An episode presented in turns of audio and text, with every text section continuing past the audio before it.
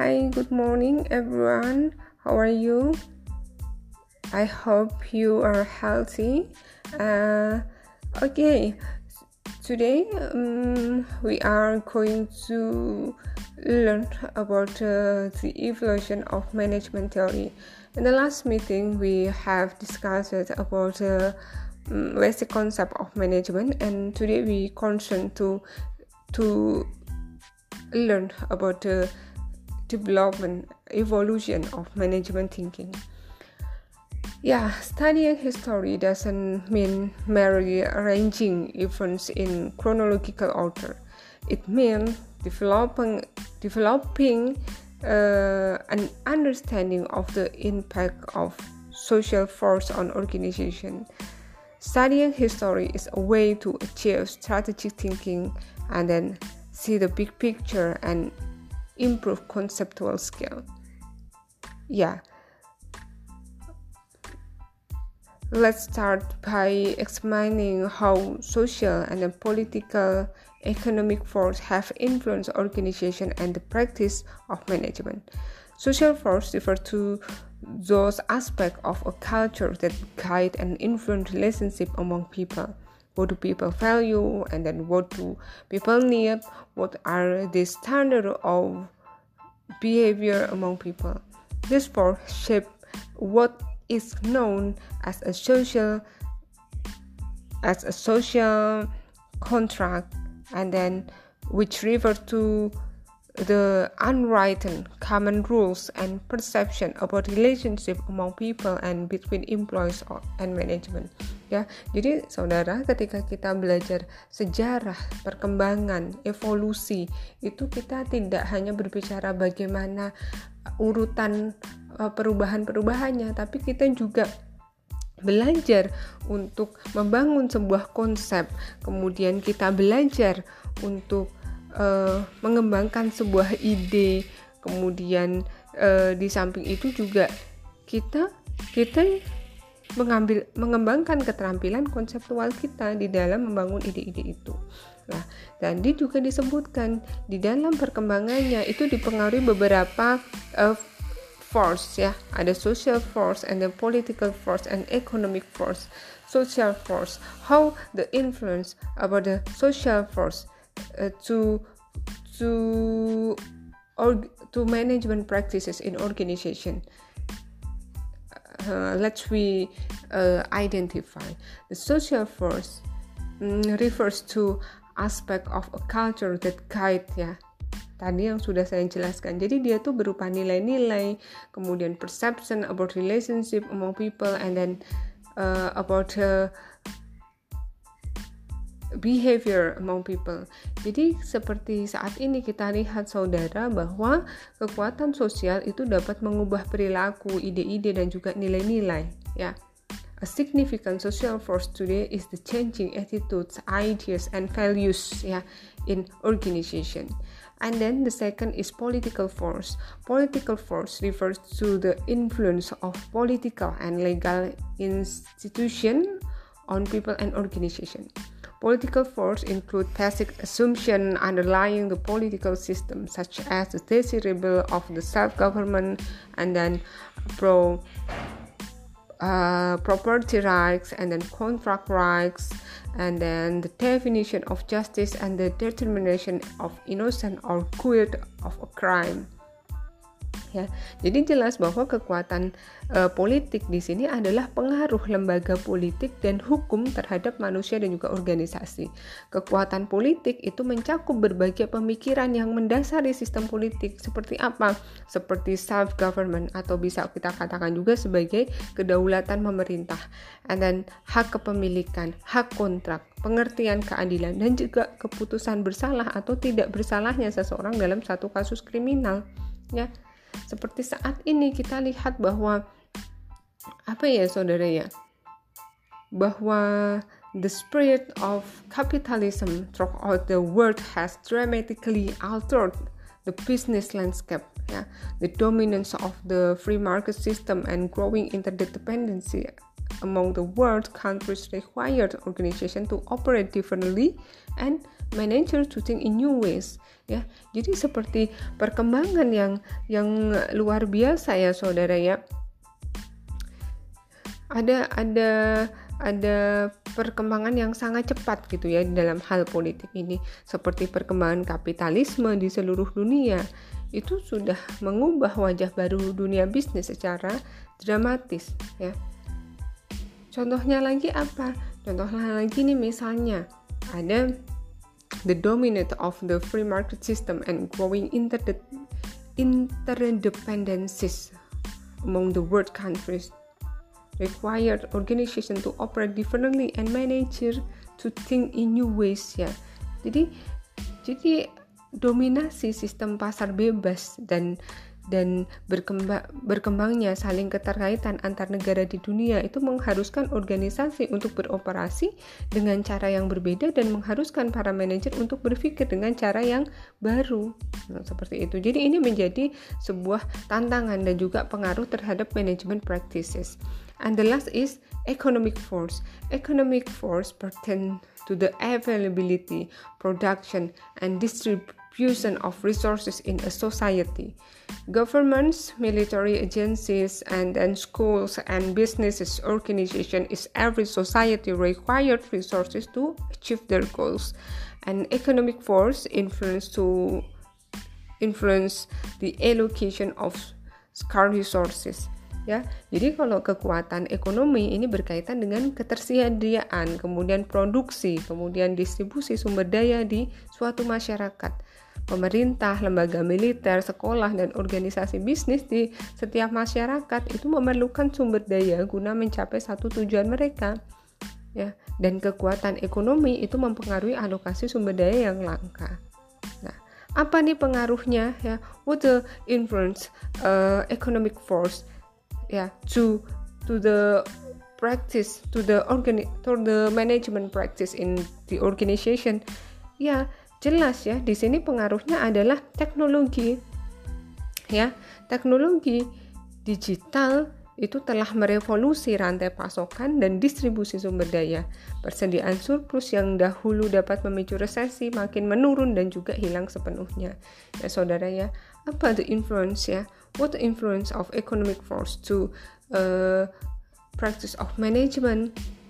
Ya, Today's economic in based as much on idea, information, and knowledge as it is on material resources. Supply chain and distribution of resources have been revolutionized by digital technology. Surplus inventories, which one could trigger recession, are declining of completely disappearing ya saudara ya. Jadi uh, jelas bahwa ketiga hal ini baik itu social force and then uh, political force and economic force influence the practices of management in organization.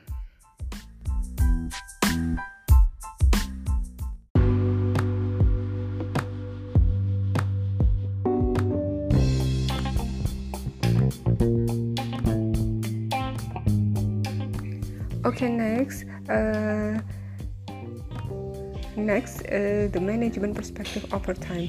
Yeah, uh, saudara you can look uh, in ppt that i have uploaded in elena about the material today chapter 2 about the evolution of management thinking. And the second slide we can uh, fi find there is material about the management perspective over time. Uh, over there the perspective uh, management is always in motion. In 1870, uh, start with classical perspective, and then in the last and 2000 uh, about the perspective, the technology driven workplace. So uh, the management is management perspective is uh, always in motion. Yeah. Jadi it's always development. Jadi selalu mengalami perkembangan dan selalu bergerak, saudara. The first is classical perspective ya. Classical perspective itu ada di ada di abad 3000 sebelum Masehi ya. Classical perspective uh, explain about the Management is rational, scientific approach to management and make organization efficient operating machine. In the classical perspective consists of three uh, three concepts, okay, three theory. The first is scientific management, and the second is bureaucratic organization, and the last is administration, administrative principle. Okay, scientific management, ya scientific management. Hmm, ditemukan oleh Frederick Taylor in 1856 until 1915 ya disebut juga sebagai general approach ya. The general approach um, of the of the scientific management is The first is development standard method for performing each job, and the second selected worker with appropriate abilities for each job, and the second trained worker in standard method, and then four support, supported worker by planning work and eliminating interruption, and the last is providing with incentives to worker for increased output. Uh, so the conclusion about uh, about uh, um, scientific theory is uh, Frederick Taylor tried to make uh, theories that uh, productivities of worker the productivity of worker could be improved by scientifically determined management practice. Ya jadi apa namanya produktivitas tenaga kerja itu dapat ditingkatkan melalui praktek manajemen ilmiah and also the Frederick Way Taylor uh, give apa ya give status of father of scientific management. Jadi diberi gelar bapak manajemen ilmiah.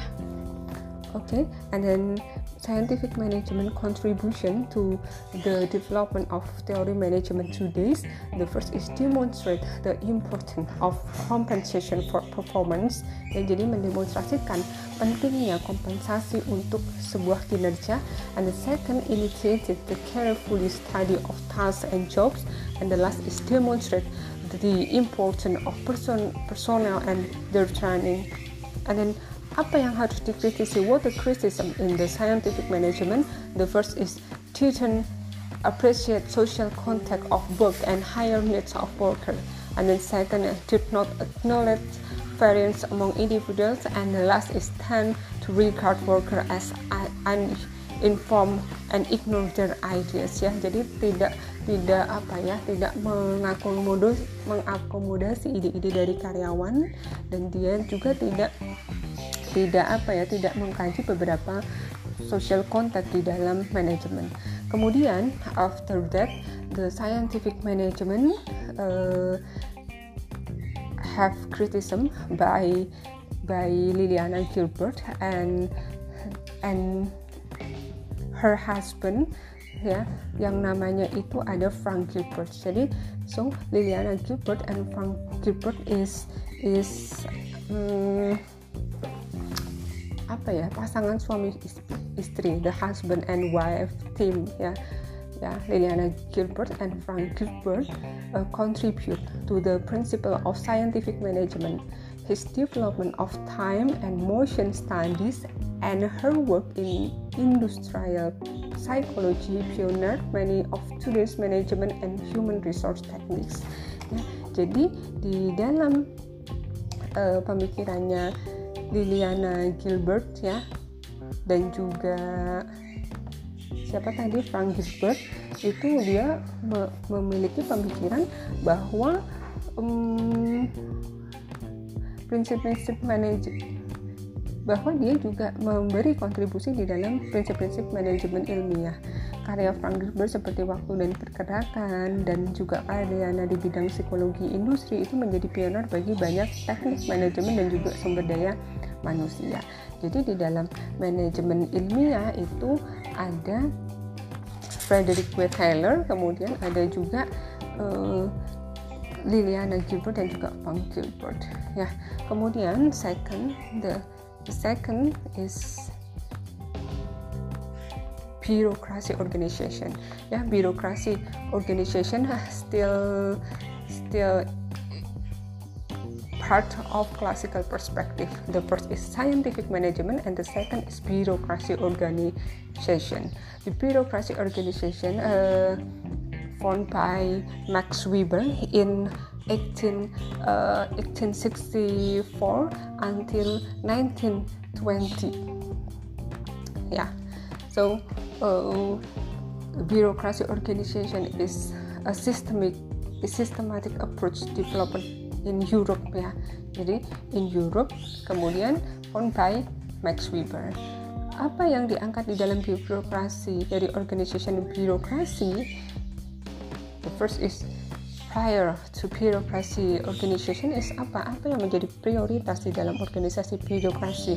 The first is European employee were loyal to a single individual rather than to the organization of its mission. And second, resources used to realize individual desire rather than organizational goals. Ya, bureaucracy organization is systematic approach look, looked at organization as a whole. Jadi jelas ya saudara bahwa pendekatan organisasi birokratis ini merupakan bagian dari perspektif manajemen klasik yang menekankan manajemen secara impersonal dan juga rasional dengan menggunakan berbagai elemen seperti otoritas, tanggung jawab yang didefinisikan dengan jelas, catatan formal dan pemisahan antara manajemen dan juga kepemilakannya. Jadi birokrasi di sini ya, so the bureaucracy here um, there is there is separate uh, among the department in organization. So uh, today we can fund the organization uh, consists of some department. The first maybe production department and then marketing department and then human resource department finance department and etc yeah.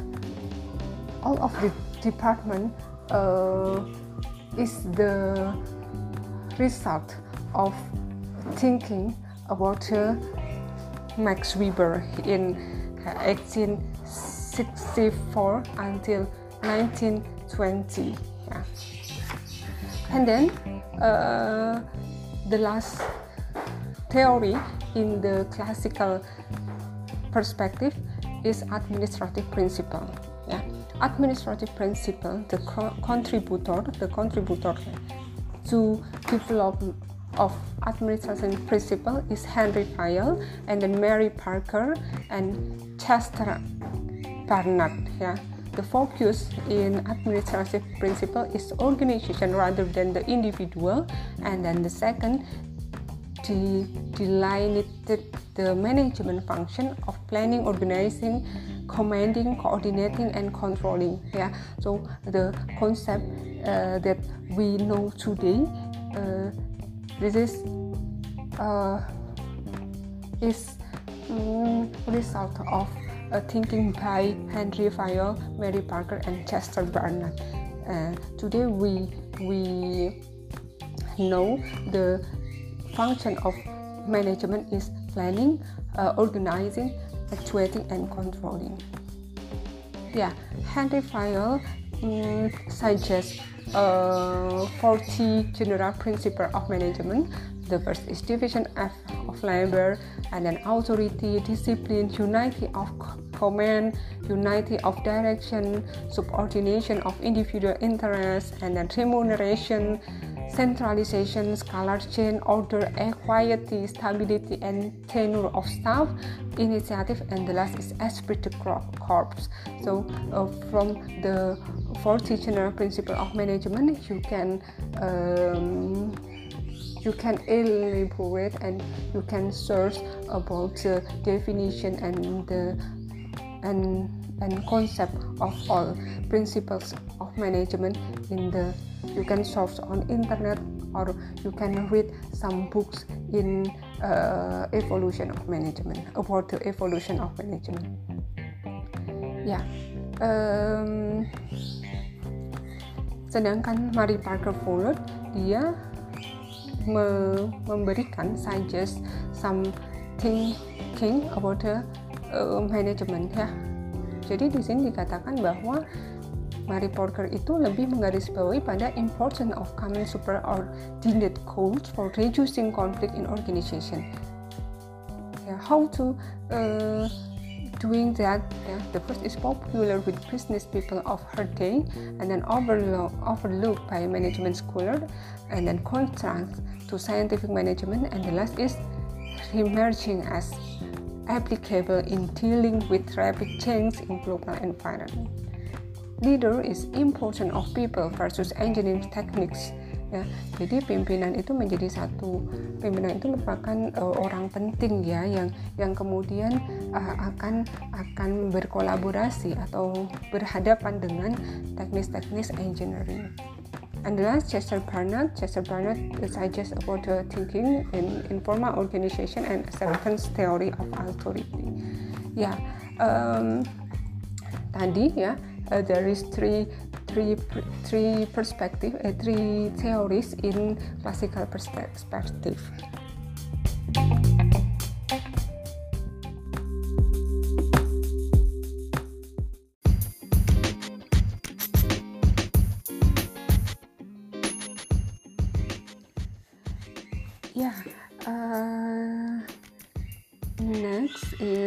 have learned about the classical perspective. The the next is humanistic perspective.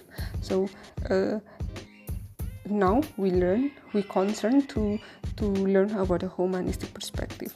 Mary porter follett and chester barnett were early advocates of a more humanistic humanistic perspective on management that emphasize the importance of understanding human behavior and then human needs and attitudes in the workplace as well as social interaction as a group processes.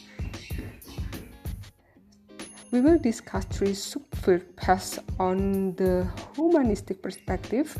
Uh, consists of the human relationship movement and then the human resource perspective. And the last is the behavioral scientific approach yeah. Yeah the uh, the first yeah first human relationship movement yeah. Human research human relationship movement. The human relationship movement was based on the idea that truly effective control comes from within the individual worker rather than from strict authoritarian control. Ya saudara ya.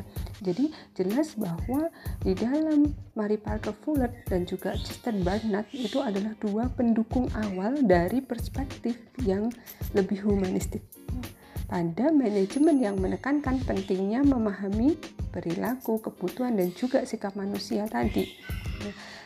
Di dalam dalam perspektif humanistik itu ada tiga hal penting. Ada gerakan hubungan manusia ya. Kemudian tadi ada kebutuhan ya perspektif sumber daya manusia. Dan selanjutnya ada pendekatan ilmu perilaku itu sendiri kita bahas satu-satu. Yang pertama tadi ada human relationship movement. Human relationship movement itu emphasize satisfaction of employees basic need as the key to increase worker productivity. So the uh, point of uh, humanistic relationship movement is uh, uh, apa ya a movement of management though and practice the prioritize the fulfillment of the basic needs of worker as the most important factor in increasing productivity ya jadi itu yang perlu kita garis bawahi di dalam perspektif manajemen eh, di dalam gerakan hubungan manusia atau human relationship movement. Jadi ada gerakan pemikiran dan juga praktek manajemen yang mengutamakan terpenuhinya kebutuhan dasar pekerja sebagai faktor terpenting dalam meningkatkan productivity ya tadi seperti yang saya jelaskan tadi a movement of management though and practice that prioritize the fulfillment of the basic needs of worker as the most important factor in increasing productivity. Ya, itu adalah poin di dalam gerakan hubungan manusia atau human relation movement. And then uh, the the second the, the second thinking is human resources perspective ya human resource perspective atau perspektif sumber daya manusia ya. Human resource perspective ini suggest job should be designed to meet higher level needs by allowing worker to use their full potential. The human relationship movement initially espoused a dairy from view management. Contented cow give more milk so satisfied worker will give more work yeah. Gradually views with deeper content began to emerge ya. Jadi seperti misalnya nih di sini saudara gerakan sumber daya manusia itu pada awalnya merupakan penerapan dari pola pikir di bidang peternakan dalam manajemen. Tadi saya contohkan kau sapi yang kenyang akan menghasilkan lebih banyak susu dan pekerja yang puas akan bekerja lebih baik. Jadi itu dianalogikan seperti ini. Jadi pemikiran ini muncul dari analogi dari konsep-konsep di dalam peternakan tadi. Ya, sapi yang kenyang ya cow give more milk ya. Cow give more milk jadi kalau sapi itu kenyang dia akan memberikan lebih banyak susu. Seperti uh, human ya. Human if they if they are satisfied satisfied about the work so satisfied worker will give more work ya. Jadi ketika dia puas maka dia akan lebih baik dalam bekerja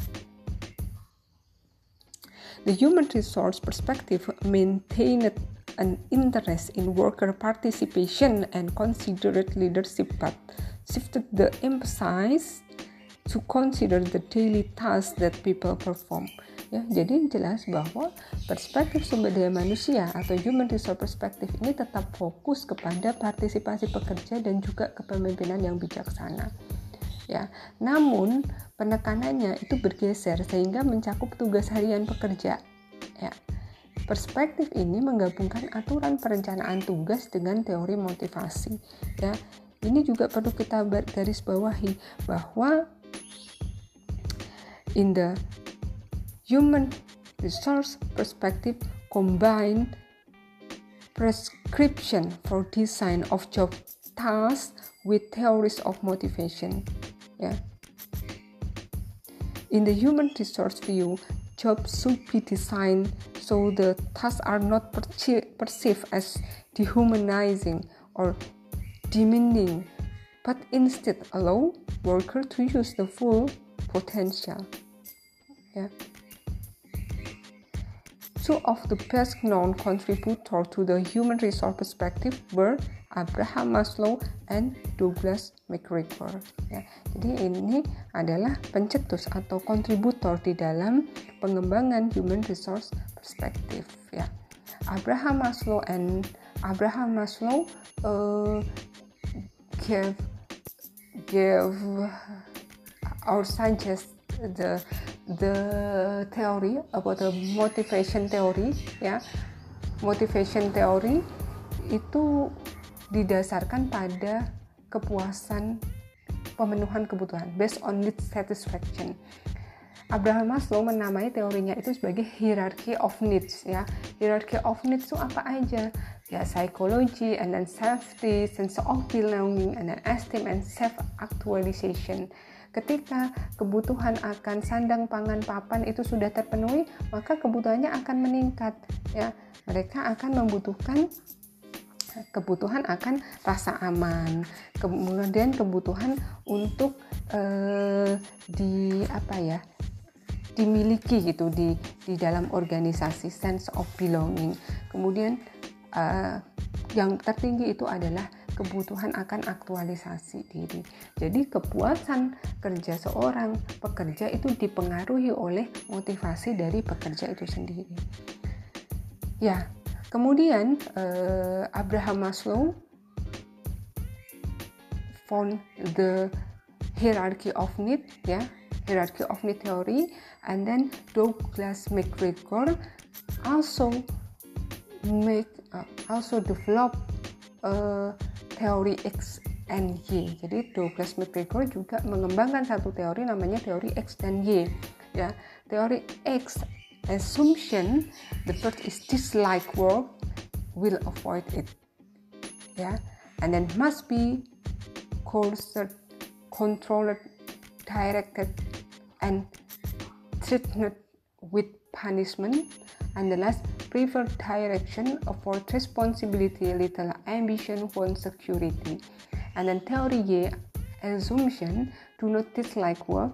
And then self direction and self control and then seek responsibility. And then imagination creativity widely contribute intellectual potential only partial utilities. Ya jadi itu adalah teori uh, X dan Y dari uh, McGregor. Gimana ini gambarannya teori X dan Y ini? Teori X itu uh, dia itu punya memiliki asumsi pada dasarnya manusia itu tidak suka bekerja dan akan menghindarinya jika dapat ya. Jadi dislike work will avoid it. Jadi uh, ketika yang nggak suka kerja dia akan menghindari itu gitu ya. Kemudian kalau selanjutnya the the next assumption of theory X is must be coerced controlled directed and treated with punishment Ya. Oleh karena itu, pada dasarnya yang tidak bisa bekerja atau tidak suka bekerja, maka manusia itu harus dipaksa, dikendalikan, diarahkan, atau diancam dengan hukuman agar mereka memberikan upaya yang dibutuhkan untuk mencapai tujuan organisasi. And last, the the third of assumption of theory X is preferred direction, avoid responsibility, little ambition, and want security. Ya. Kebanyakan manusia itu memilih untuk diarahkan ingin menghindari tanggung jawab tidak banyak berambisi dan paling menginginkan keamanan.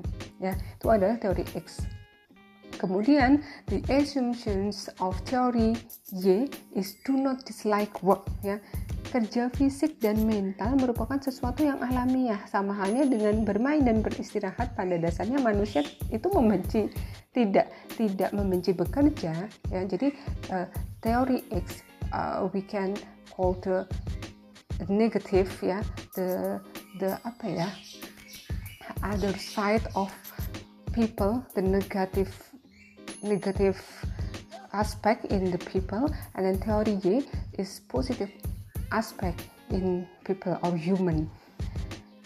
Self direction and self control berarti kontrol manusia itu akan mengarahkan dan juga mengendalikan diri mereka sendiri jika mereka berkomitmen untuk mencapai tujuan itu. Sehingga ada kontrol internal ya ada kontrol internal terhadap ancaman dan lain sebagainya and then third seek responsibility. Seek responsibility di sini gimana? Dalam kondisi yang tepat, kebanyakan manusia tidak hanya belajar untuk menerima tanggung jawab, tetapi juga ingin mendapatkan tanggung jawab seperti itu. Dan yang keempat, imagination, kemudian creativity widely contributed kemampuan untuk memanfaat imajinasi, orisinalitas, dan kreativitas untuk memecahkan masalah dalam organisasi yang dimiliki secara merata oleh masing-masing individu di dalam organisasi tersebut. Yang terakhir adalah intellectual potential only partial utilized ya. Dalam kehidupan industri modern, potensi intelektual dari kebanyakan manusia baru dimanfaatkan sebagai kerja saja. Jadi kita istilahkan bahwa teori X ini the side of human, the, the negative side of human, and then teori Y is positive side of human.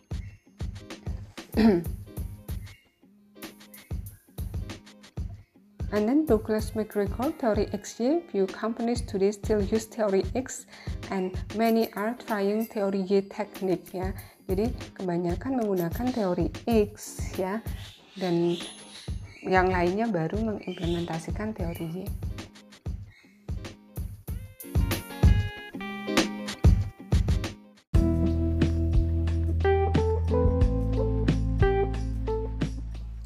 The last subfield of humanistic uh, management perspective is behavioral scientific approach ya. Uh, behavioral scientific approach uh, is use scientific method and draws from sociology and then psychology, anthropology, economic and other disciplines to develop theories about human behavior and interaction in an organizational setting. This approach can be seen in practically every organization. When IBM conduct research to determine the best set of tests, interview, and employees profile to use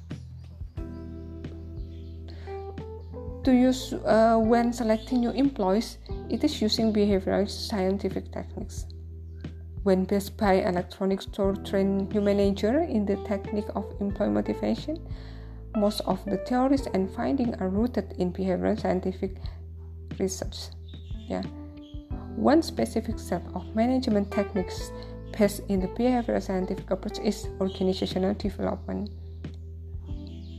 And in the 1970, organizational development evolved as a separate field that applied the behavioral science to improve the organization health and effective through its ability to cope with change, improve internal relationship, and increase problem solving capabilities. Yeah. okay, uh, behavioral scientific approach applies social science in an organizational contract ya draws from economic, psychology, sociology, anthropology, and other discipline to apa? To understand employee behavior interaction in an organizational setting. Ya, jadi itu tadi saudara. Jadi keilmuan-keilmuan atau konsep-konsep dalam uh, behavioral scientific approach ini digunakan untuk apa? Untuk itu tadi mengembangkan teori mengenai perilaku dan juga interaksi manusia di dalam konteks organisasi. Ya. Termasuk di dalam proses tadi penilaian, termasuk juga di dalam proses pengembangan organisasi atau OD, OD Organizational Development. Nah, OD sendiri tujuannya apa? Tujuannya supaya para karyawan itu bisa mendapatkan beberapa keterampilan baru. Misalnya mereka dipersiapkan untuk e, menghadapi perubahan, mempererat hubungan internal dan juga meningkatkan kemampuan dalam memecahkan masalah tadi yang yang tadi e, saya jelaskan di awal seperti itu. Oke, okay, uh, the last is management science perspective ya. Management science perspective uh, terjadi ya emerge after World War II ya and World War II caused many management change ya. Jadi menyebabkan perang dunia II itu menyebabkan banyak perubahan di dalam uh, manajemen the massive and complicated problem associated with modern global warfare presented managerial decision makers with the need for more sophisticated tools than ever before. Ya jadi jelas bahwa uh, apa namanya yang yang yang rumit eh, apa tantangannya itu ada pada bagaimana para manajer melakukan pengambilan keputusan manajerial ya. Dengan kebutuhan akan piranti yang lebih canggih dari sebelumnya ya karena setelah Perang Dunia II itu mengalami perkembangan teknologi yang cukup signifikan. The management scientific perspective emerged to address this problem. Ya. This view is distinguished for its application of mathematics, statistics, and other quantitative techniques to management decision making and problem solving. Ya, jadi jelas saudara, perspektif ini dibedakan oleh penerapan ilmu matematika, statistik, dan teknik-teknik kuantitatif lain dalam pengambilan keputusan dan juga pemecahan masalah di dalam manajemen itu sendiri. Ya, jadi eh, apa namanya?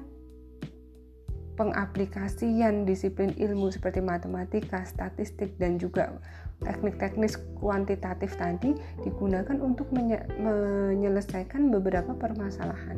Misalnya nih operation research, dia menggunakan mathematical modeling. Operation management dispesialisasikan untuk produksi barang dan juga jasa. Information technology direfleksikan di dalam manajemen information system. And then the recent historical trend uh, about the management is system theory and then contingency view and total quality management. System theory uh, pertain about the open system that are characteristic, characteristic by entropy, synergy, and subsystem interdependence ya. Sistem sendiri artinya a set of interrelated parts that function as a whole to achieve a common purpose. Ya, in in the slide that I have shared to you uh, over there explain yeah, explain about the system view of organization.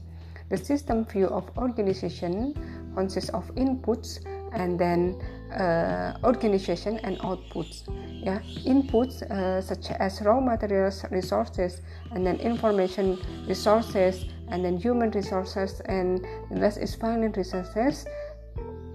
Diolah ya masuk ya entry to organization and then become a transformation transformation process ya